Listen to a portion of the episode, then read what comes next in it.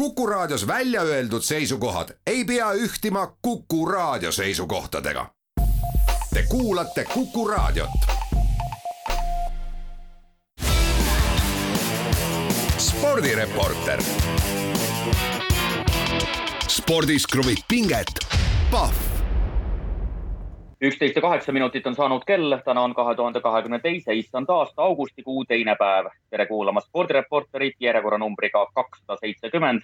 kuulama kutsuvad teid Järvelott Tallinn, Susi Joosep Taani. kus sa seal täpsemalt oled, Taanis, Joosep? no Taani väinades paadi peal ahah, äh, väga huvitav. see on siis tänase spordireporteri puhul erakordne asjaolu, et äh, Susi ei viibi maismaal. Äh, aga see, et Twitteri kaudu saab meile Haaksõna spordireporter abil esitada küsimusi, mõtteid, tähelepanekuid, millele vastamise võtame ette saate kolmandas osas, on õnneks endiselt tavapärane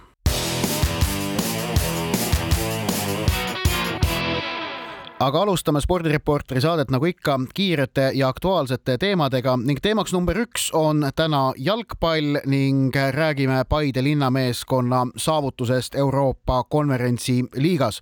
tugevuselt kolmandas eurosarjas on Paide linnameeskond praeguseks alistanud kaks vastast, kuid Tbilisi Dinamost saadi penaltiseerias jagu pärast seda, kui kahe mängu kokkuvõttes oli äh, duell lõppenud neli-neli viigiga, siis Armeenia klubist Jerevati Ararat Armeenia saadi samuti jagu penaltiseerias sarjas, aga niimoodi, et kakssada kümme minutit enne seda oli mängitud null-null jalgpalli. eelmisel neljapäeval Pärnus siis kordusmäng toimus. Paide oli selles ähm, matšis pigem üritavam, üritavam pool, aga väravani siiski kumbki jõudnud, ent penaltiseerias taas kord sajaprotsendiline tabavus ning Mihkel Aksalu penaltitõrje ning Paide on nüüd alles viies Eesti klubi äh,, või tähendab, neljas klubi, aga viies kord üldse juhtus, et Eesti klubi on eurosarjade eelringide käigus ühel hooajal alistanud vähemalt äh, kaks vastast. Newcastle, äh, vabandust, Levadia sai sellega hakkama kaks tuhat kuus, Kalju kaks tuhat kuusteist, Flora kaks tuhat kakskümmend ja kakskümmend üks ning nüüd Paide siis kahe tuhande kahekümne teisel aastal kaks vastast alistatud ja Brüsseli Anderleht ootamas jah, ja tuleb ju meeles pidada, et Paide linnameeskonna jaoks alles kolmas hooaeg eh, eurosarjas ja enne tänavust aastat siis vaid eh, kolm kohtumist eh, mängitud eurosarjades ja kirjas on kolm kaotust. tänavu jõutakse kohe kolmandasse ringi ja, ja tõepoolest mingis mõttes ka mängu dünaamikat vaadates võrdlemisi erinevad vastasseisud, aga ikkagi välja lõi see, mis me ka varasemalt rääkisime, selline väga ratsionaalne mäng ühelt poolt, et Paide on võimeline mängima nii sellist jalgpalli, aga teiselt poolt olla ka eh, eurosarjas üritavam pool. ja, ja tõesti ikkagi vaadata ka koosseisu ilmselgelt, eh, miks nõnda edukas on Paide olnud, et siin on väga hea segu kogemusest, eh, endised koondislased, praegused koondislased, Aksalu, Klaavan, Vošnikov, Saagluts ja nii edasi. ja teiselt poolt noorusest lisaks ka täkkesse on pandud legionäridega nii et äh, väga hea koosseis, suudetakse erinevalt mängida eurosarjas ja, ja lisaks äh, suudetakse ka penaltid lüüa, ehk siis üksteist penaltit äh, kahe penaltiseeria peale kõik on sisse löödud ja, ja tuletame meelde, et ka Eesti karikavõistluste poolfinaalis FC Floraga äh, maikuus võitis Paide penaltiseeria ehk et sel hooajal kolm penaltiseeriat, kõik võidetud kolme penaltiseeria peale kokku seitsmeteistkümnest löögist kuusteist sees. Äh, mängujärgsete penaltite puhul üle üheksakümne protsendiline tabavus on väga erakordne, tavaliselt mängujärgsetes penaltiseeriates on tabavusprotsent väiksem kui mängu sees, sest pingeolukord on suurem. aga, aga sa mainisid äh, seda koosseisu segmente, et seal on noored ja vihased nii nii-öelda, siis on äh, kogenud äh, ekskoondislased, sest noh, praegusi koondislasi tegelikult Paide ridades ju ei ole. noh, Ragnar Klavan kevadel kaks mängu tegi, aga, aga hetkel vi viimases koondise laagris minu meelest Paide ridades kedagi ei olnud. Ja siis on legionärid. Ja legionäre on äh, Paides üpris palju. Nad on pea eranditult äh, Aafrika taustaga, äh, eelkõige Gambiast, aga ka on ka, on ka ghanalane Abdul Razak Jussif ja, ja see, kuidas Paide on endale legionäre värvanud, on Eesti jalgpallis ikkagi mm, äh, ainulaadne äh,, sellepärast et äh, kui muidu on, on üldiselt kombeks Eestisse tuua legionäre eesmärgiga, et nad kohe annaksid võistkonnale selget tugevdust ja, ja nii-öelda palgatööjõuna, siis Paide eesmärk ei ole tuua siia mitte tingimata, mitte niivõrd väga palgatööjõudu või vaid lootustandvaid noori võõrmängijaid, keda siin keskkonnas siis viia järgmisele tasemele ning eesmärk ei ole siis mitte saada nendelt mängijatelt ainult panust jalgpallurina, vaid ka seda, et õnnestub nende mängiõigused kõrgema summa eest või, või no märkimisväärse summa eest maha müüa kuhugile mõnele Lääne-Euroopa klubile, eelkõige Lääne-Euroopa poole ikkagi vaadatakse siit. et, et Paide senise sen,, senised müügid on olnud seal pigem kümnetes tuhandetes, minu teada vist sadat tuhandet äkki ühe mängija käest saadi, äh, eest saadi, aga, aga nüüd äh, praegustest meestest nii Ebrima Singateh kui ka keskkaitsja Abdul Razak Jussif on praegu ikkagi mängijad, kelle müügi pealt Paidel on lootust midagi teenida. Ehm, jah, ja noh, täpselt loomulikult ei tea, kuidas äh, mängija siseelu välja näeb, aga see võib olla mingis mõttes ka treenerile väga hea selline äh, pinnas, mängijal on tõesti motivatsioon äh, areneda ja ta näeb, et ka klubi eesmärk on ikkagi arendada seda mängijat, mitte ainult äh, viimast välja pressida. ehk siis noh, see legionäride seis tundub olevat praegu igati, igati kena.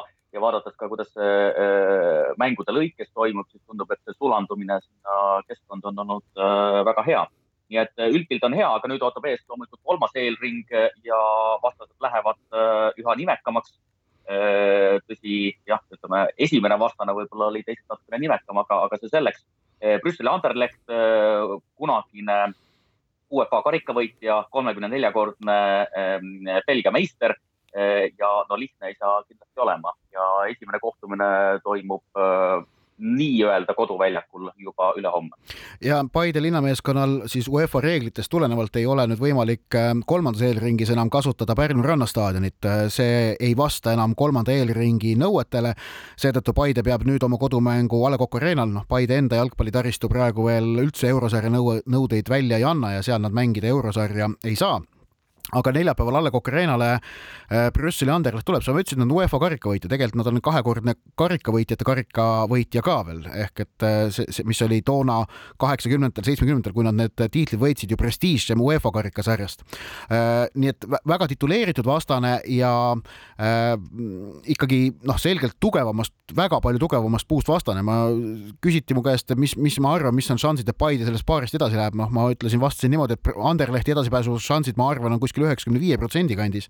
et üks kahekümnest võib see Paide šanss olla sellest paarist läbi minna, aga vast esmane eesmärk on ikkagi saavutada kodus neljapäeval tulemus, mis annab võimaluse teises, teise, teise mängu ajal unistada. et, et noh, jalgpallis see on, see on puht, puhta lollakas, kes unistamisest äh, loobub, seda tuleb üldse tippspordis teha.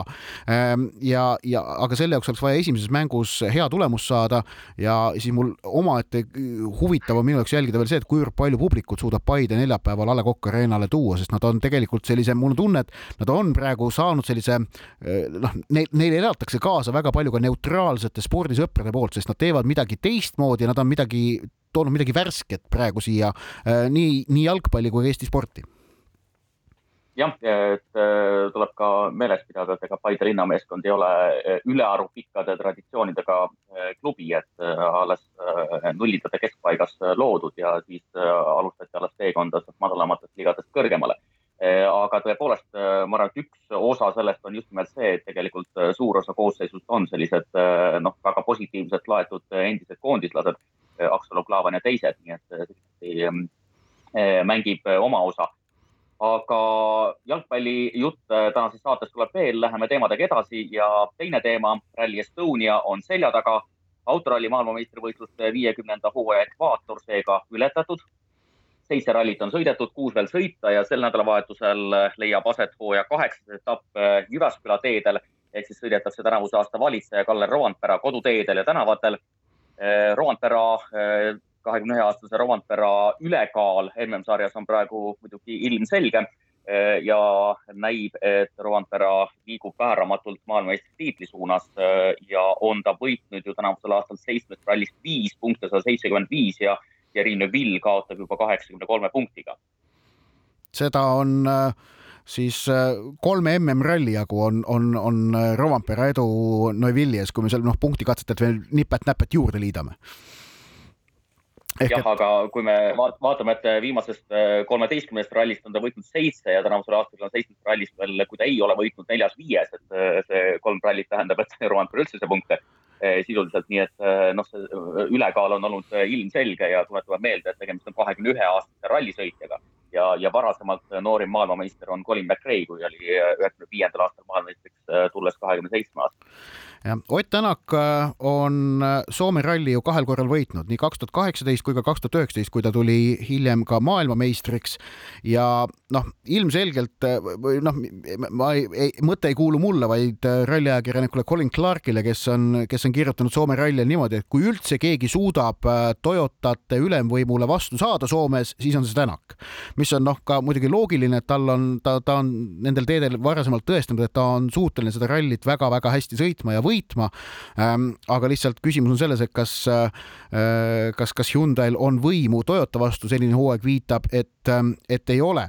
Äh, aga, aga muidugi selle Rovampera võimsuse osas äh, on, on noh, see, see, see toob kaasa ka selle, et, et praegu Soome ralli on muidu tekitanud ikkagi sellise suuremat sorti elevuse ka Eesti spordimaastikul, sellepärast et noh, just nimelt sellepärast, et noh, Tänakul või varasemalt oli ka Marko Märtin see, et, et ta, ta läks sinna soomlaste õuele platsi puhtaks lööma ja, ja suure šansiga võita, siis praegu on, on paraku see Toyota Hyundai äh, duelli olukorra tõttu seis selline, et ega, ega ju eh, siin Eestis, oleme ausad, siiralt, sellist siirast usku, et Tänak võib võita nüüd sel nädalavahetusel ju ei ole. et saadakse aru, et see on võimalik ilmselt äh, ainult siis, kui, kui Toyotal äh, ralli totaalselt vussi läheb jah, ja taaskord võiksime siis küsida, et mis võiks olla üldse Ott Tänaku nii-öelda põhimotivatsioon. Esiteks võime küsida, kas ta jätkab järgmisel aastal Hyundai's. Sellisel juhul loomulikult tuleks kõik, mis tehakse peaasjalikult ikkagi selline pealisülesanne võiks olla seotud juba tuleva hooajaga. aga teiselt poolt loomulikult iga üksik rallivõit aga no küsida võib, et kui praegu Tänak kaotab üheksakümne kaheksa punktiga küll Romantperale, siis meeskonnakaaslasele Thierry Neuvillile kaotab ta vaid viieteistkümne punktiga, nii et MM-sarja teine koht. Ja kui me vaatame Toyota ja Hyundai duelli, siis konstruktorite arvestuses vahe no nüüd nii meeletult suur ei ole et kui Rompere edu Neuvilli ees on kaheksakümmend kolm punkti, siis Toyota edu Hyundai ees on kaheksakümmend seitse punkti, mis on natukene noh, nii-öelda äh, veel seeditavam vahe. aga no kindlasti ega see Hyundai seis midagi kiita ei ole, seda näitavad eelmised rallid ja näitavad ka sellised väikesed indikatsioonid, Hyundai meeskond teatud situatsioonides palub või siis ütleb, et ei tohiks, tohiks meediale kommentaare anda. ehk siis ka sõitjate endi poolt on neid kriitikanooli tulnud ja õhku visatud juba päris palju Läheme teemadega edasi ning püsime tehnikaspordi juures. teema number kolm puudutab Eesti Autospordi Liidu ja Eesti kardiringkondade vahel puhkenud tüli, millest ka Eesti spordiajakirjandus viimastel, äh, viimasel ajal on kirjutanud. näiteks, äh, näiteks laupäeval Delfis oli pikem artikkel, kuidas, äh, mis siis kirjeldab seda, kuidas Eesti Autospordi Liidu volinike kogu määras tegutsemiskeelud Eesti Kardiliidule ja kolmele kardiliidus tähtsal positsioonil olnud mehele Priit Karjusele, Heiki Hõbemäele ja Martin Harrakule ning noh, kokkuvõttes, et seda kogu lugu nagu hüm, ümber hakata rääkima, oleks meil vaja siin umbes kahe spordireporteri jagu saateaega ning ka siis ei jõuaks kõike äh, paika panna. ent äh, proovides seda üldistada, mis praegu siis on äh, juhtunud Kardispordiliidu ja Eesti Autospordiliidu vahel. kardispordiliit on siis olnud kogu aeg Autospordiliidu alluvuses, nad ei ole olnud täiesti iseseisev alaliit, vaid nad on tegelenud Autospordiliidu alluvuses, kõik autospordi asjad peavad Autospordiliidu alla käima FIA nõuete tõttu aga, aga noh, suhted on totaalselt äh, ikkagi rikki läinud, kui minnakse selliste sammudeni, et spordiala eestvedajaid, äh, antud juhul siis kardispordi eestvedajaid hakatakse karistama tegutsemiskeeldudega. see on, see on selge märk, et suhted on täiesti äh, sassi läinud ja autospordiliidu juhtkond eesotsas juhatuse liikme Janis Kaaluga, kellel on ju ka varasemalt Eesti siin autospordiringkondades viimastel aastatel konflikt olnud, ähm, on, on, on selles mõttes äh, minu meelest narris olukorras, et, et äh, neil ei, neil ei ole võimalik praegu adekvaatselt ära põhjendada, miks nad sellised otsused on teinud jah, et siin tegelikult äh, kõik tõukub ilmsesti eksistentsiaalsest põhiküsimusest, et kelle käes on võim ja kust tuleb raha aga äh, praeguse Autospordiliidu situatsioon meenutab natukene Suusaliidus äh, äh, toimunut. et kui Suusaliit, üks vahe oli, noh, võiks öelda mitte suusaalade liit, vaid põhjasuusaalade, täpsemalt murdmaasuusatamise liit, siis mingil määral noh, selgelt oluliste nüansi erinevustega on autospordis seis praegusel hetkel võrdlemisi analoogne. Ja volinike kogusse, mis selle karistuse määrab, äh, kuulub äh, seitse inimest, kellest ainult üks ei ole ralli taustaga. Ähm, nii et äh, ralli osakonna võim Autospordiliidus on muidugi tohutu. Äh, ja, ja selle, sealt tuleb ka ilmselt mingeid äh, selle otsuse äh, asju, otsuse põhjuseid otsida, ent lisaks tuleb siis alati esitada selliste tülide puhul ka küsimus, et kas see otsus on võetud vastu silmas pidades organisatsiooni huve või sportlaste ja spordiala huve. Ning, äh, ning antud juhul mul on selgelt tunne, et see otsus on võetud vastu äh, Eesti Autospordi Liidu äh, huve silmas pidades, aga Eesti kardisportlased ja kardisport on selle otsuse tõttu jäänud kaotajaks. Ja see on, alati Spordiala Liidu poolt vale käitumine. aga läheme edasi, teema number neli jah, kergejõustiku maailmameistrivõistlused, nagu teame, on lõppenud, äh, Commonwealthi mängud käimas, äh, ka U kakskümmend äh, kergejõustiku maailmameistrivõistlused on käimas, aga Euroopa meistrivõistlusteni Berliinis on jäänud kõigest kaks nädalat ja algavad need viieteistkümnendal augustikuu päeval. esimene tõsine tagasilöök, arvestades Eesti sportlasdelegatsiooni, on juba aset leidnud. nii et tänavu esmakordselt neljasaja meetri tõkkejooksus aja alla neljakümne kaheksa sekundi saanud Rasmus Mägi peab vigastuse tõttu Müncheni Euroopa meistrivõistlused, vabandust, Müncheni Euroopa meistrivõistlused eh, vahele jätma. ja eh, põhjuseks siis vaagna tagumises osas vasakul pool olnud väsimusmurd ja tervenemiseks peaks aega minema siis äh, kaksteist nädalat, nii et äh, hooaeg Rasmus Mägil on lõppenud. kas äh, Rasmus Mägi kõrvalejäämisega kadus Eesti kõige parem medališanss Münchenis või paremuselt teine medališanss ehk et kas Maicel Uibo šansid noh, siis enne Mägi ole, on suuremad, kui oleksid olnud Mägi omad? Ehm, no ei oska seda öelda, aga vaadates ka neljasaja meetri tõkkejooksu seisu ja tegelikult vaadates ka Rasmus Mägi hooaja dünaamikat, siis tundub, et ikkagi neid tõesti starte on olnud väga palju. ehk siis maailmameistrivõistlustel, kus ta esimest korda pääses finaali, ta ikkagi ju enda hooaja sellist tavapärast taset välja enam ei suutnud joosta, ehk siis missugune tase oleks olnud Euroopa meistrivõistlustel, ei tea, aga, aga kindlasti medali lootustega oleks ta peale läinud. kümnevõistluse seis on loomulikult segane, et kui meil on olnud juba Eh, maailmameistrivõistluste kümnevõistlus, eh, siis eh, missuguses seisus on need kümnevõistlejad, kes MM-il stardis olid ja missuguses seisus on teised, ei tea. nii et kui võrrelda, kumma medalilootused on suuremad, siis keeruline öelda. nüüd aga teeme väikese pausi ning siis tuleme tagasi ja räägime naiste jalgpalli Euroopa meistrivõistlustest. spordireporter. spordis kruvib pinget, Pahv nagu lubatud, jätkame jalgpallilainel. naiste arvult kolmeteistkümnenda Euroopa meistrivõistluste finaalturniiri võitis Inglismaa, kes tuli esimest korda Euroopa meistriks. finaalis alistas Inglismaa kodusel Wembley staadionil Saksamaa lisaajal kaks-üks. nii et kui veerandfinaalis oli Inglismaa lisaajal üle Hispaanias samuti kaks-üks, siis poolfinaalis purustati Rootsi neli-null ja kui vaadata Inglismaa turniiri kokkuvõttes, siis väravate vahe näiteks eh, turniiril kakskümmend kaks, kaks. ja kui aastatel kaheksakümmend üheksa kuni kaks tuhat kolmteist võitis Saksamaa üheksast Euroopa meistrivõistluste finaalturniirist koguni kaheksa, siis kahel viimasel korral on Saksamaa jäänud äh, esikohata.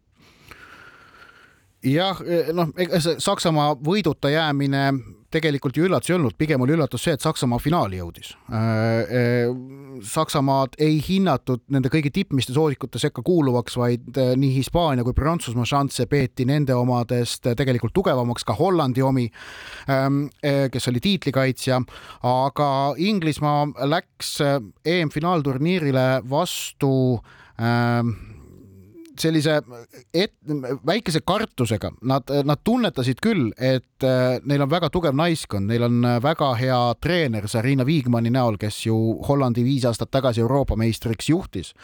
Äh, aga see ebakindlus ikkagi mis ma arvan, on, on, on osaliselt tingitud ka sellest, kuidas nad on suutnud meeste jalgpallis kodused äh, finaalturniirid ära käkkida, nii üheksakümmend kuus EM kui ka nüüd mullune EM äh,. aga osaliselt, aga, aga teisalt muidugi tingitud ka sellest, et seesama Inglismaa naiskond oli kolmel finaalturniiril järjest, kolmel eelmisel finaalturniiril järjest äh, poolfinaalis kaotanud ehk et nad polnud suutnud seda läbimurret sinna täitsa tippu teha see ebakindlus oli neil väga selgelt hinges.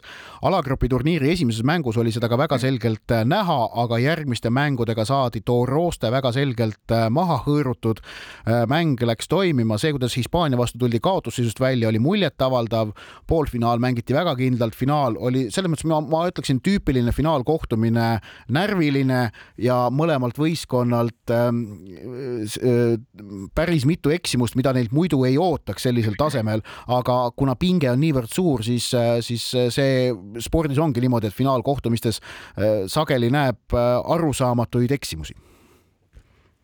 Ehm, jah, tegelikult indikatsioone, et Inglismaa on väga hea, oli näha loomulikult ka juba enne finaalturniiri algust, kus siis järjest ehm, alistati Šveits suurelt, Holland suurelt, Belgia suurelt, Põhja-Iirimaa suurelt, Põhja-Makedoonia koguni kümme-null ja nii edasi.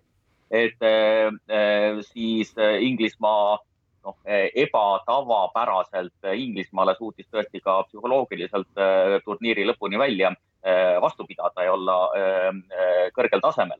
finaal ise oli loomulikult selline noh, mitmekülgne kõikumistega selles, selles osas just nimelt, et paiguti tundus, et Inglismaa näitas tõesti sama head jalgpalli, kui näidati ka alagrupi turniiril, kus tõesti Äh, Norra alistati näiteks kaheksa-null.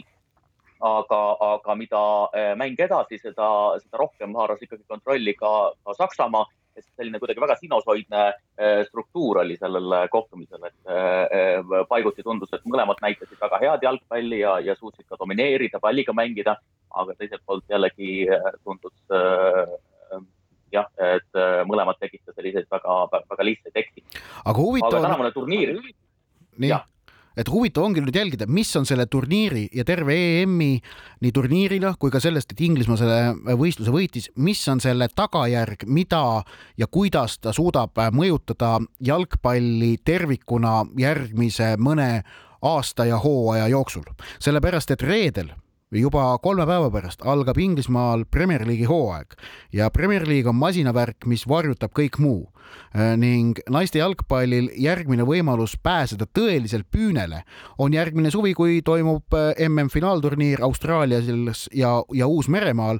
aga, aga mis nüüd selle klubi hooaja ajal, mis, mis on, mis on argipäev, äh, koondise finaalturniir on pidupäev, aga klubi hooaeg on argipäev, et kas selle, see vaimustus Äh, mida naiste jalgpall tekitas, äh, muidugi praegu eelkõige Inglismaal, kus tuldi Euroopa meistriks, aga, aga ikkagi ka muidu Euroopas ta pääses väga jõuliselt spordipilti ka muudes jalgpalli suurriikides. kas see pildis püsimine kandub kuidagi edasi ka klubihooaega või mitte, see on naiste jalgpalli kui valdkonna jaoks võtmetähtsusega küsimus. jah, no ma võin avada umbes kümmet sellist vestlust, mis mul on Euroopa meistrivõistluste finaalturniiri ajal olnud ehk siis minu juurde on tulnud ikkagi tõesti väga paljud inimesed, kes on öelnud, et nad vaatasid nüüd naiste jalgpalli ja täiesti üllatusid sellest tasemest, et äh, paiguti on isegi huvitavam vaadata kui meeste jalgpalli, vaadata, kuidas, äh, äh, kuivõrd see mängutempo pole niivõrd kiire, siis me näeme ka selliseid ilusaid tehnilisi sooritusi ja nii edasi. aga et see on tõesti tipptasemel jalgpall, et paljude jaoks ka see finaalturniir ennekõike seetõttu, et ka Eesti Televisioon kandis neid mänge üle kindlasti tekitas eh, sellise huvi selle ala vastu, nii et ütleme Eesti lõikes eh, puhtalt oli, oli see kindlasti väga õnnestunud finaalturniir.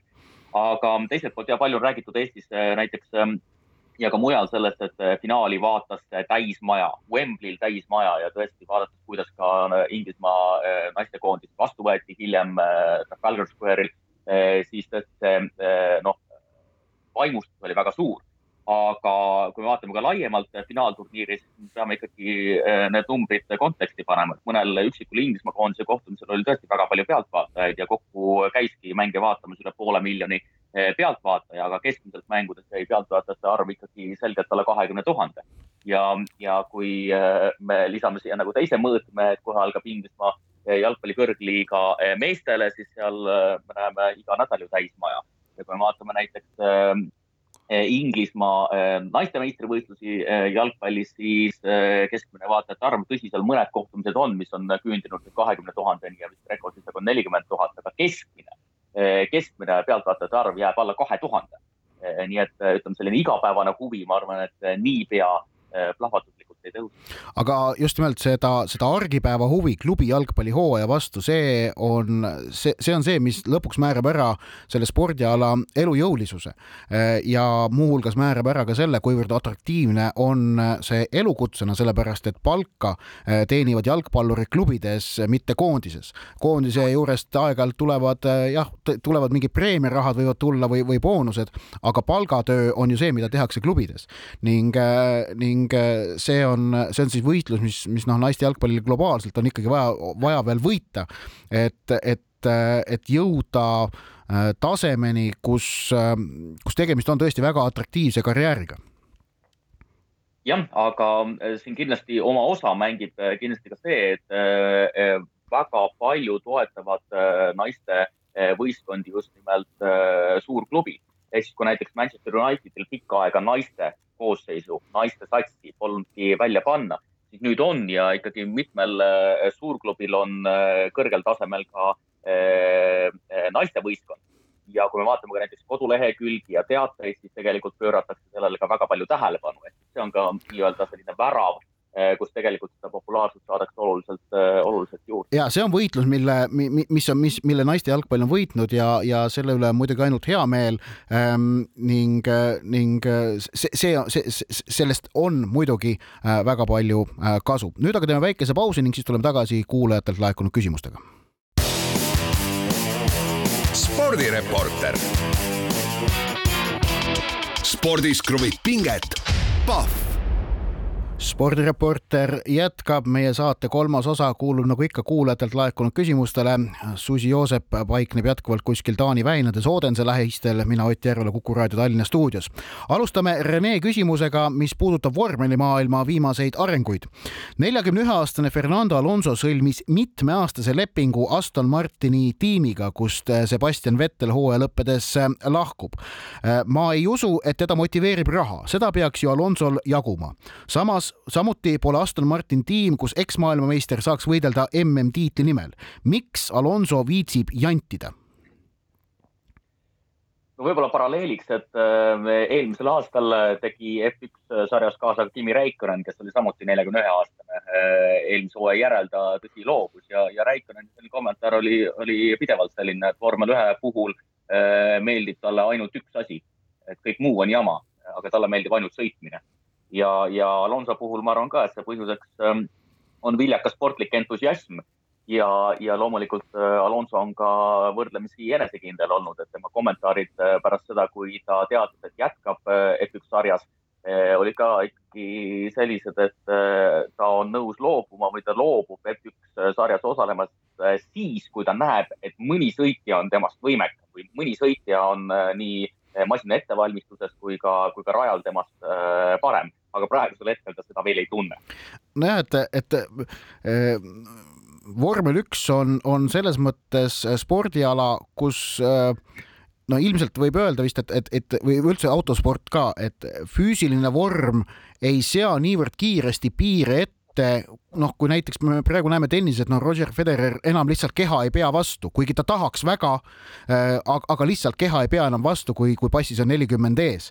aga, aga äh, tehnikaspordis on, on võimalik ka neljakümnendates väga hästi äh, veel sooritusi teha, noh, me oleme näinud seda ka Sebastian Loebi poolt ju, ju rallis ning äh, kui mingis asjas on ikkagi niivõrd suur vilumus kätte saavutatud, siis äh, ilmselt on keeruline sellest loobuda, mis on täiesti ju arusaadav ja, ja ise ja tegelikult see on isegi nauditav, et kui inimene saab teha seda asja, mida ta oskab, mida ta naudib, siis noh, miks ta ei peaks seda asja tegema, kui tal see võimalus on jah, ja teiselt poolt, kui ma ütlesin viljakas sportlik entusiasm, siis ega see on lahutamatu ka viljakast sportlikust sõltuvusest.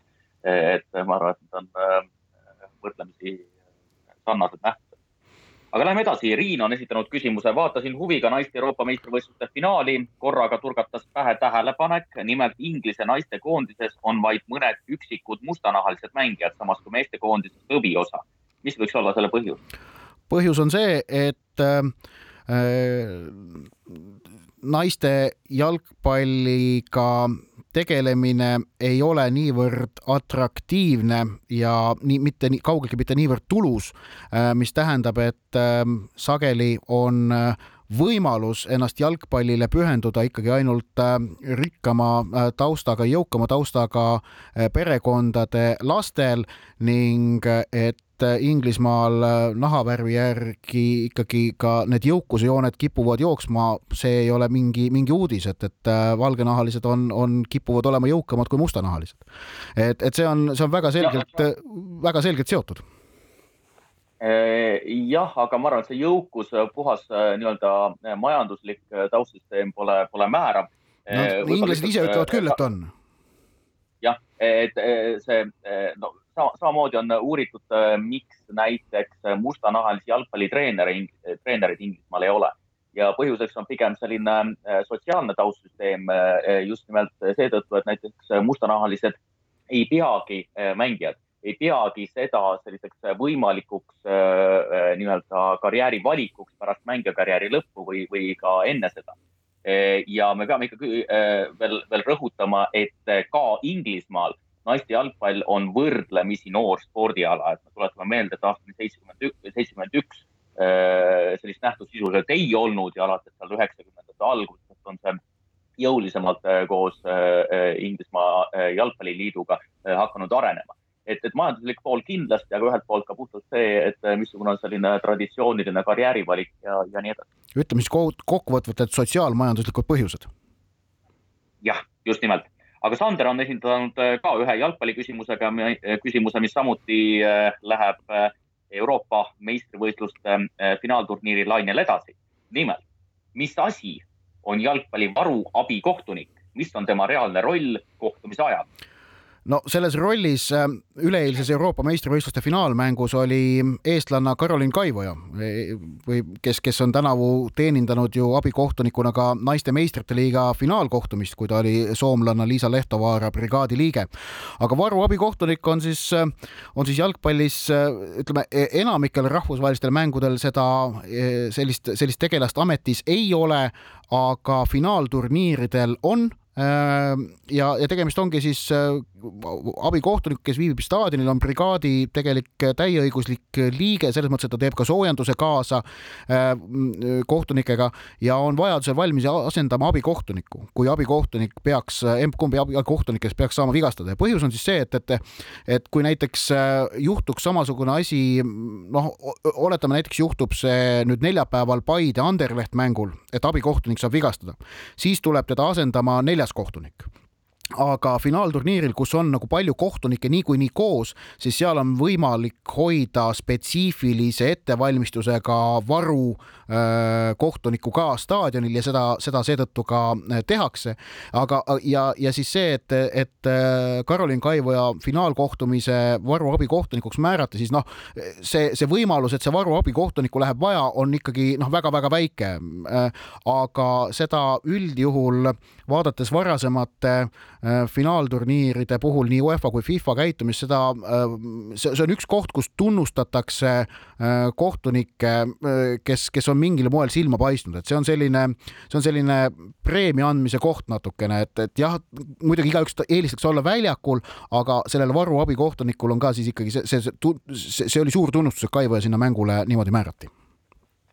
jah, et et kindlasti esile tulebki tõsta iseenesest nagu seda poolt, et äh, nagu me kohtunike puhul teame, siis finaalturniiril ikkagi see pidev küsimus, et kes vilistab finaalkohtumist, kes on abikohtunikud ja kes saab siis selle äh, neljanda kohtuniku rolli. Et see on tunnustamise küsimus, ehk siis varu abikohtunik on ka ikkagi selline sümboolne tunnustus äh, kohtunikule ühe küsimuse jõuame veel võtta. Marti äh, kirjutas Twitteris meile. Äh, tahaks jagada saatejuht Susi optimismi Karmen Pruusi tuleviku osas, aga tema treeneri senine track, rec äh, track record noorte tütarlastega pigem sunnib ettevaatlikuks. mõned nimed Leibak, Pintsaar, Liimask. samas siiralt loodan, et ka Mehis Viru on neist kogemustest õppinud jah, no ülearuse optimismi osas olen alati väga skeptiline ja see, et maailmameistrivõistlustel seitsmeteistkümne aastasena hüpata meeter üheksakümmend kuus on kõva, kõva sõna, aga kõik sõltubki sellest, mismoodi läheb dünaamika edasi. aga siin jah, natukene taustsüsteemiks siis no kümmekond aastat tagasi lahvatas Eestis skandaal, noh, millest selliseid indikatsioone oli, oli tunda juba varasemalt. Iseäranis siis, kui Karja Leibak ja Mirjam Liimask kritiseerisid avalikus ruumis väga teravalt Mei Viru treenerina Eh, ja, ja noh, peaasjalikult, mis äh, esile tuli, oli küsimus äh, liigses forsseerimises, liigses ühekülgsuses äh, ja, ja ka sellest, mismoodi käitus ta sportlastega väljaspool treeninguid. et kui palju Mehis-Viru on muutunud, kui, kuivõrd objektiivselt me neid kirjeldusi peame varasemast arvesse võtma, seda ei tea, aga jah, tõepoolest arvestades ajalugu siis ohumärgid on loomulikult olemas. nüüd aga väike paus ning siis räägime Eesti pallimängu meeskoond, meestekoondiste äh, lähitulevikust. spordireporter. spordis kruvib pinget, Pahv spordireporter alustab oma lõpusirgega ning räägime nüüd äh, põgusalt võrkpalli, korvpalli ja jalgpalli rahvusmeeskondade lähitulevikust, sest kõiki neid kolme koondist ootavad ees tähtsad kohtumised lähema kahe kuu jooksul, mis äh, päris olulisel määral võivad ähm, kujundada Äh, kõigi nende kolme spordiala kuvandit äh, koduvabariigis. esmalt äh, astub lahingusse meeste võrkpallikoondis, kes alustab Euroopa meistrivõistluste valiksarja juba sel pühapäeval, kui Kalevi spordihallis ollakse vastamisi Belgia meeskonnaga. alagruppi kuulub veel Fääri saarte meeskond, pidi kuuluma ka Iisrael, kes on aga EM-finaalturniirist loobunud, mis tähendab, et kõigi eelduste kohaselt Eesti ja Belgia omavahelistes mängudes pannakse paika, kumb selle valikgrupi valikgrupi võidab ja valikgrupi võitjal on siis koht järgmise aasta EM-finaalturniiril tagatud, teise koha omanikul seal teatud kohtade võrdluses säilib ka veel võimalus, aga noh, selle peale kindlasti keegi midagi jätta ei taha. Eesti võrkpallikoondist me meeskond siis äh, sel äh, pühapäeval kell neli Kalevi spordihallis Belgiaga mängib ning äh, kontrollkohtumised, mille pealt sinna minnakse, muidugi on tekitanud mõnevõrra ebakindlust, sellepärast et äh, siin juuli lõpus lõpus äh, kaks kaotust ähm, Türgile ja kaks kaotust Soomele kontrollmängudes saadi. selgelt äh, otsimise koht see on, aga võrkpalli jaoks Euroopa meistrivõistluste finaalturniiril osalemine Eesti meeskonna jaoks on muutunud äh, seoses selle meeskonna varasemate tulemustega vaata et kohustuslikuks. kui kaks tuhat kolmteist viimati EM-ilt kõrvale jäädi, siis äh, toona ju ka see oli ikkagi, äh, see tegi juba toona väga haiget, kui Eesti oli mänginud kaks korda järjest EM-il ja siis kõrvale jäi, praegu ollakse neli korda järjest finaalturniiril oldud. kui nüüd peaks kõrvale jäädama, see, see, see oleks võrkpallile väga-väga valus jah, viimasest seitsmest äh, kuus korda on võrkpallikoondis Euroopa meistrivõistluste finaalturniirile pääsenud praegune eh, seis, arvestades eh, ettevalmistuste faasi, kõigepealt kindlasti mängib rolli ka see, et Fabio Sooli uus peatreener ikkagi, võrdlemisi uus alates sellest aastast ja, ja tema väljaütlemised näiteks pärast kohtumist Soomega olid väga sellised noh. alarmeerivad alarmeerivad äh, mingil moel küll, kus ta ikkagi äh, ütles välja, et, äh, et treeningmängude tulemused ei ole küll olulised, aga et meil oli väga tõsine nõupidamine pärast seda mängu, sest mängijad lihtsalt ei teinud platsil seda, mida, mida nad oleksid pidanud tegema. nii et ütleme sellised noh, ikkagi no võrdlemisi reljeefne väljaütlemine ja, ja ma olen nõus sellega, et Euroopa meistrivõistluste finaalturniirile pääsemine on võrkpallikoondisele ülioluline. puhtalt ka seetõttu, et me näeme, et ka võrkpallikoondise mängijad ise ja kogu see eh, noh, eh, liikumine finaalturniiri suunas või ka valikmängude suunas on selline, et ega neid kuldliiga mänge noh, võetakse küll tõsiselt, aga mitte nii tõsiselt, siis see ei ole meie fookus. fookus on selgelt EM-finaalturniir olgu öeldud, et, et EM-finaalturniiri Eesti võrkpall järgmisel ähm, aastal kindlasti kogeb, sellepärast et naistekoondisel on koht seal juba kindel, kuna üks äh, alagrupp äh, neljast EM-finaalturniiri alagrupist viiakse läbi Tallinnas ehk et Eesti naiskond järgmine aasta kindlasti EM-il mängib. aga, aga tõesti meeskonna jaoks ähm, kõrvalejäämine oleks valus pauk. Äh, liigume korvpalli juurde, kelle, keda ootavad augusti lõpus ees mm, veel maailmameistrivõistluste valikmängud, mis on aga ennekõike ikkagi ettevalmistuseks äh, septembri alguses Milanos toimuvaks EM-finaalturniiriks ning äh, kui me võrkpalli puhul ütlesime, et võrkpall peab EM-il kohal olema, siis, siis korvpalli puhul on nüüd seis see, et, et korvpallis, Eesti korvpallis on ju see noore põlvkondade vahetus on läinud igati edukalt edukalt, noored vihased kutid on tulnud koondisesse, on koondisega EM-ile vedanud. Äh, aga äh, on vaja teatavasti spordis, et, et selle äh, õige tee kinnituseks on vaja tulemusi ning korvpallis on erinevalt võrkpallist võimalik neid tulemusi Eesti meeskonnal saavutada ainult iga nelja aasta tagant, kuna noh, oleme realistid, hetkel MM-ile jõudmine käib üle jõu, aga EM-i mängitakse korvpallis nüüd hiljutiste muudatuste tulemusel ainult iga nelja aasta tagant. Ehk et see praegu on väga oluline finaalturniir, mis Eesti meeste korvpallikoondist ees ootab, see kujundab suuresti korvpallikoondise äh, imidžit järgneva nelja aasta jooksul. äh, jah, kindlasti ja, ja taas sellised alarmeerivad signaalid on äh, ju tegelikult äh, esile kerkinud, arvestades viimaseid kohtumisi, kus tõesti ju sellele eelnev periood oli väga positiivselt laetud, räägiti sellest, kui hästi Jukka Toiala noored saanud mängima panna, kuivõrd potentsiaalikas on meie koosseis ja kõik see ilmselt vastab ka tõele.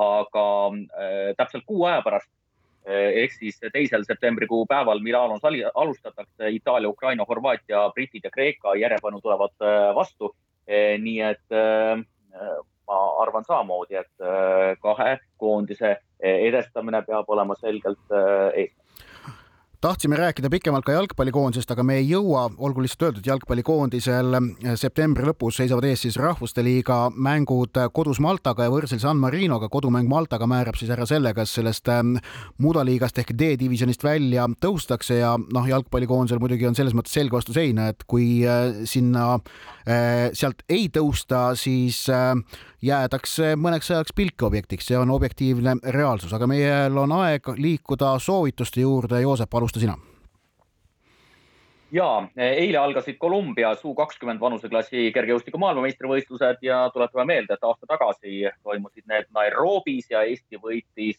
suisa kaks hõbemedalit. ja üks neist hõbemedali võitnud sportlastest on ka stardis Hanna-Maria Millend aga kindlasti suur tähelepanu on meie poolt eh, naiste eh, kõrgushüppevõistlusel, eh, kus teevad kaasa nii Karmen Pruus kui ka Elizabeth Pihela. Ja eelvõistlus neljapäeva õhtul ja lõppvõistlus laupäeva õhtul. ning äh, U kakskümmend kergejõustiku maailmameistrivõistluste otseülekandeid on võimalik siis World Athletics Youtube'i kanalilt äh, kenasti ka tasuta jälgida. minu soovitus puudutab pühapäeva ning soovitan pühapäeval vaadata siis Eesti-Belgia võrkpallikohtumist, äh, miks mitte minna seda Kalevi spordihalli ka ise koha peale vaatama, nagu kindlasti tuleb minna ka neljapäeval A Le Coq Arena'le Paide Anderlehti vaatama. aga meie saate lõpetuseks laul, millega naaseme pühapäeva õhtusesse Londonisse, kus Wembley staadionil Inglismaa naiskond tuli Euroopa meistriks ning tõepoolest jalgpall üle pika-pika aja jõudis koju tagasi. We'll go on getting back, it's on getting back, it's on getting back,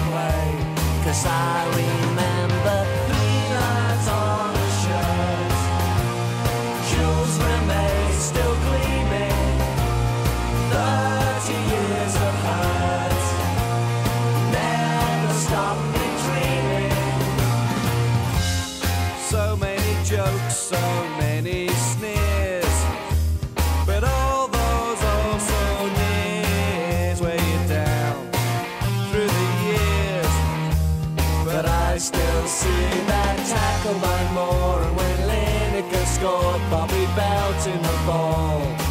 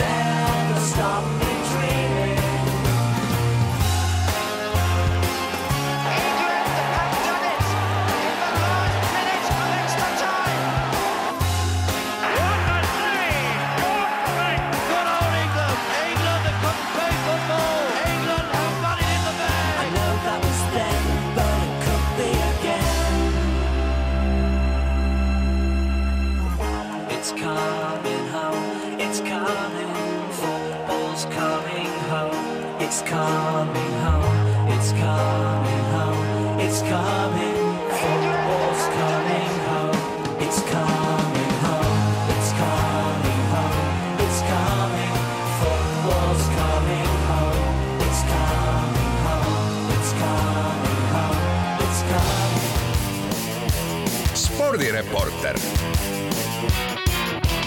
spordis kruvib pinget, Pahv